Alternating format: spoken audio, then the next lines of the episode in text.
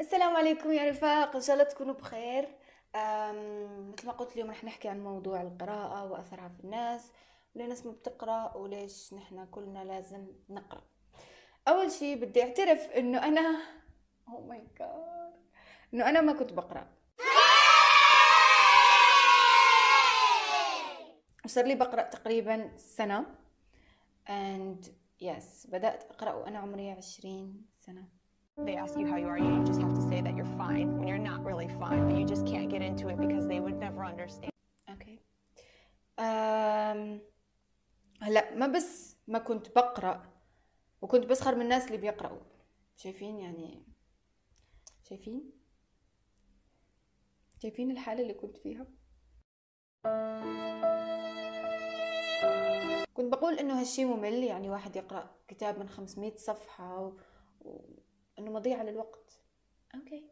أول شيء سأبدأ من اقرأ باسم ربك الذي خلق كانت عندي أستاذة الله يذكرها بالخير دائما تقول أنه الله سبحانه وتعالى بدأ بإقرأ في حين أنه كان قادر يبدأ بزكي تصدق صلي لكن كانت دعوة صريحة وواضحة أسبقها الله على كل العبادات يعني أسبق العلم على ما بقي من العبادات والقراءة والتعلم مهم مش بس لأنه عقلنا بس حتى ل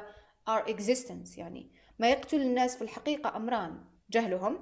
جاهل بيروح بيقتل أخته لأنها فتحت حساب على الإنترنت وجاهل بيقول ليه عم بدي أتعب وأدرس وما خليني أشتغل مثل فلان ممكن يعني أسمم لي عشرة أو عشرين وفوت لي على الحبس شي خمسة بس على الأقل إنه بكسب مال على السريع وسي إنه آه، ليه بدي ادرس واتعلم وبعدين ما الاقي شغل سو so,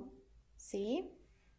الامر الثاني هو العلم الذي من شأنه القضاء علينا سو so, العلم الذي ينشر العنصرية والتفرقة الاجتماعية والجنسية الأسلحة النووية وأسلحة الدمار الشامل ويعني اللي قادرة تنسف الكرة الأرضية في ثانية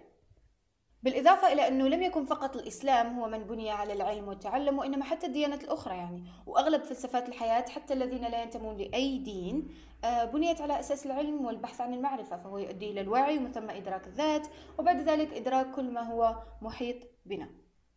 إن كنت سأشكر أحد بعد الله عز وجل فهي الكتب فعلا أنقذت حياتي كل الكلمات والأحرف المترسلة التي قرأتها إلى يومنا هذا كونوا متأكدين أنه لولاها أكيد لم أكن سأتحدث معكم اليوم بل ممكن كنت سأكون في أسوأ حالاتي متخلية عن كل أهدافي أعيش حياة لم أخترها أن يا هل الأفكار قوة كهذه؟ نعم يس نعم الفكرة قادرة على تغيير مسار حياة بأكمله خلوني أعطيكم مثال أنه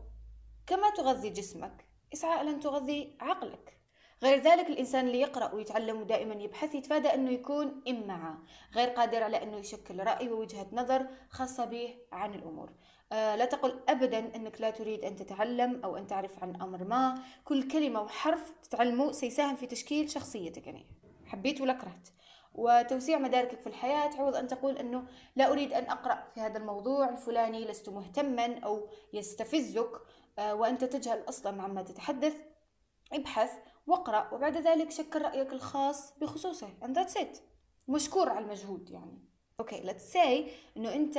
تاكل اكل مش صحي ومش نظيف لمدة طويلة اوكي هلا ممكن تفوت على المستشفى ممكن تمرض ممكن تموت ما حدا بيعرف نفس الشيء بيصير لعقلك إذا غذيت عقلك تفاهة مواقع تواصل اجتماعي ومسلسلات بلا فايدة 24 ساعة ومقابل التلفزيون طول النهار فكر شو راح يصير لعقلك شوي شوي انت نفسك رح تصير تافه شخص فارغ لا طموح ولا وجود the end هلا بعرف انه ممكن كلامي يكون قاسي وممكن اشخاص تانيين يقولوا انه ليه يعني انت ما بتشوفي يوتيوب وما بتستعملي مواقع التواصل الاجتماعي calm down في شيء اسمه توازن اوكي انه بحاول قدر المستطاع اني وازن بين اولويات حياتي انه شو هو المهم وشو هو الامر الثانوي يعني اللي فيني اتخلى عنه بس كمان مش ياخد كل وقتي انه 24 ساعة عم شوف مسلسل وبعدين في عندي دراسة وفي عندي عمل وفي عندي قراءة وفي عندي ألف شغلة أعملها وآخر شيء بدي أقوله هو اقرأ إنه جرب يا عمي عادي إنه بس بس جرب عادي أوكي أوكي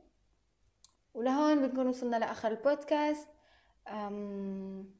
استنوا شو بيقولوا هدول اليوتيوبرز 2000 years later yeah إذا آه، إذا عجبكم المحتوى اشتركوا بالقناة وفعلوا جرس الإشعارات ولايك وشير أو ماي جاد كومنت يا خلص يا شاركوني برأيكم يعني بدي أعرف يعني تجاربكم مع القراءة كيف حتى بدأتوا تقرأوا شو كان السبب يلي خلاكم تقرأوا ممكن نشارككم هذا البودكاست يعني